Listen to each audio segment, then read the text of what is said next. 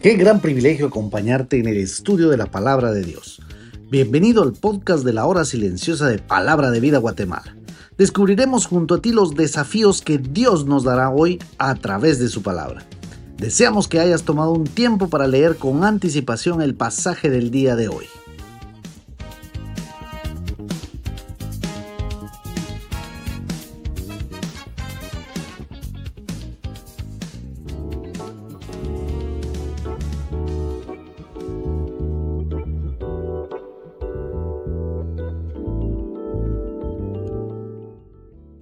Muy buen día tengan todos ustedes y qué gusto es saludarlos nuevamente en el comentario de la hora silenciosa de Palabra de Vida. Hoy continuamos en el capítulo 15 de Primera de Corintios. Estamos en los versículos 51 al 58. Aquí Pablo eh, continúa hablando respecto al rapto de los creyentes vivos, pero también sobre la primicia de la resurrección. Cuando venga Jesucristo de nuevo, ¿Qué pasará con los que no hayan muerto? Pablo se dirige a contestar esta pregunta que no había sido hecha por la iglesia de Corinto.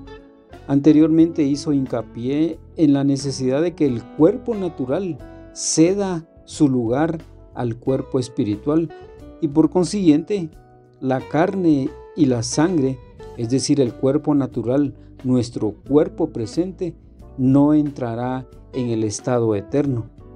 Pablo había revelado la misma verdad a los tesalonicenses eh, allá en Primera de Tesalonicenses capítulo 4.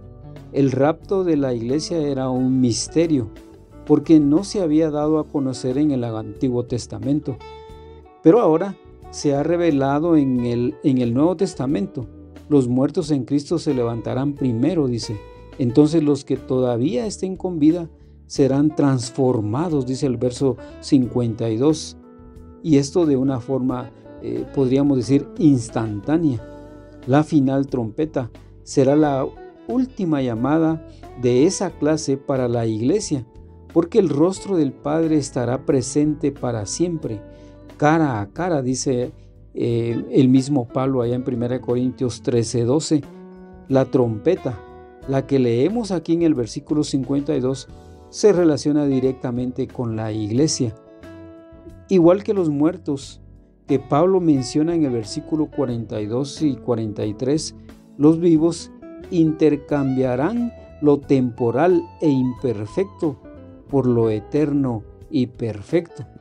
Cuando esto corruptible se haya vestido de incorrupción, dice el verso 53, el poder de la muerte será eliminado para los que pertenecen a Cristo.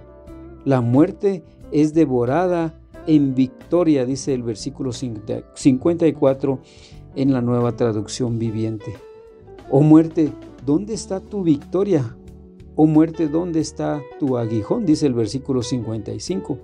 Y Pablo cita a su manera, vamos a decirlo así, a Oseas 13:14, un pasaje del Antiguo Testamento el cual predice el cese de la muerte, la victoria eh, aparente de Satanás en el jardín del Edén, allá en Génesis 3, y en el Gólgota, en Marcos capítulo 15, se revirtieron en la cruz y fueron confirmadas por la resurrección de Cristo. Aferrado a la convicción de la resurrección de los santos, Pablo expresa su burla, podríamos decir, en contra de la muerte y Satanás. La muerte no tiene poder sobre la persona de Jesucristo. Para aquellos que no están en Jesucristo, la muerte aún tiene un aguijón, el pecado que lo lleva a comparecer delante de Dios a quien ha ofendido, dijo Spurgeon. Pues el pecado es el aguijón que termina en muerte y la ley le da al pecado su poder, dice el verso 56. Entonces, la muerte vino como resultado de la rebelión y de la desobediencia del ser humano ante el mandamiento divino, dice ahí en Génesis 3. La ley, que resume el mandamiento de Dios, es el espejo en el cual se refleja la rebelión y la desobediencia humana. Así sucedió con Adán por quien toda su descendencia se reveló. Sin embargo, por medio de la obediencia del postrer Adán, es decir, nuestro Señor Jesucristo, como lo dice ahí en el versículo 45, viene la victoria y la vida. Todos hemos llevado la imagen del primer Adán y aquellos que ponen su confianza en el postrer Adán también llevarán su imagen, pero de resurrección. Mas Cristo nos da la victoria por medio de nuestro Señor Jesucristo. Finalmente, vemos el versículo 58. Las declaraciones doctrinales de Pablo en general siempre nos llevan a instrucciones más prácticas y la conclusión de este capítulo no es la excepción. Pablo exhorta a los hermanos amados, nota cómo dice hermanos amados, a estar firmes y constantes, dice el versículo 58, constantes en las enseñanzas de los apóstoles y buscar siempre no ser influenciados por las negaciones de los falsos maestros, como dice allá en Efesios capítulo 4. Ahí Pablo señala la acción hábil y engañosa de esta clase de hombres.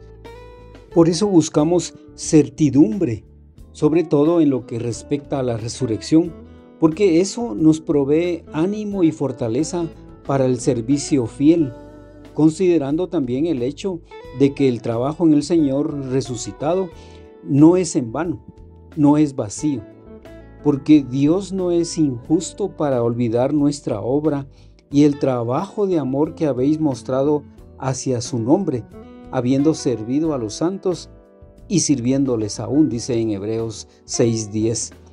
Realmente Él mostrará su memoria de nuestra labor y trabajo de amor en la resurrección. Por eso, vívelo. Sin lugar a dudas, los cuerpos de los creyentes van a experimentar el gran cambio en el día de la resurrección. Esa transformación sucederá cuando suene la trompeta final. Por eso el apóstol nos pide con firmeza eh, estar en las verdades de la fe, pero también que seamos inconmovibles para no ser desviados del verdadero camino. Cristo resucitó. También nosotros resucitaremos si morimos antes de su segunda venida sirvamos con fidelidad. Dios es muy buen amo y muy buen pagador. Con Él nunca se pierde, porque no es injusto ni infiel como para olvidar o no tener en cuenta lo que por Él se hace. Además, es poderoso para hacer todas las cosas mucho más abundantemente de lo que pedimos o pensamos, dice en Efesios 3:20. Mi nombre es Carlos Boj y esperamos como siempre que la palabra de Dios cumpla sus propósitos en tu vida. Bendiciones.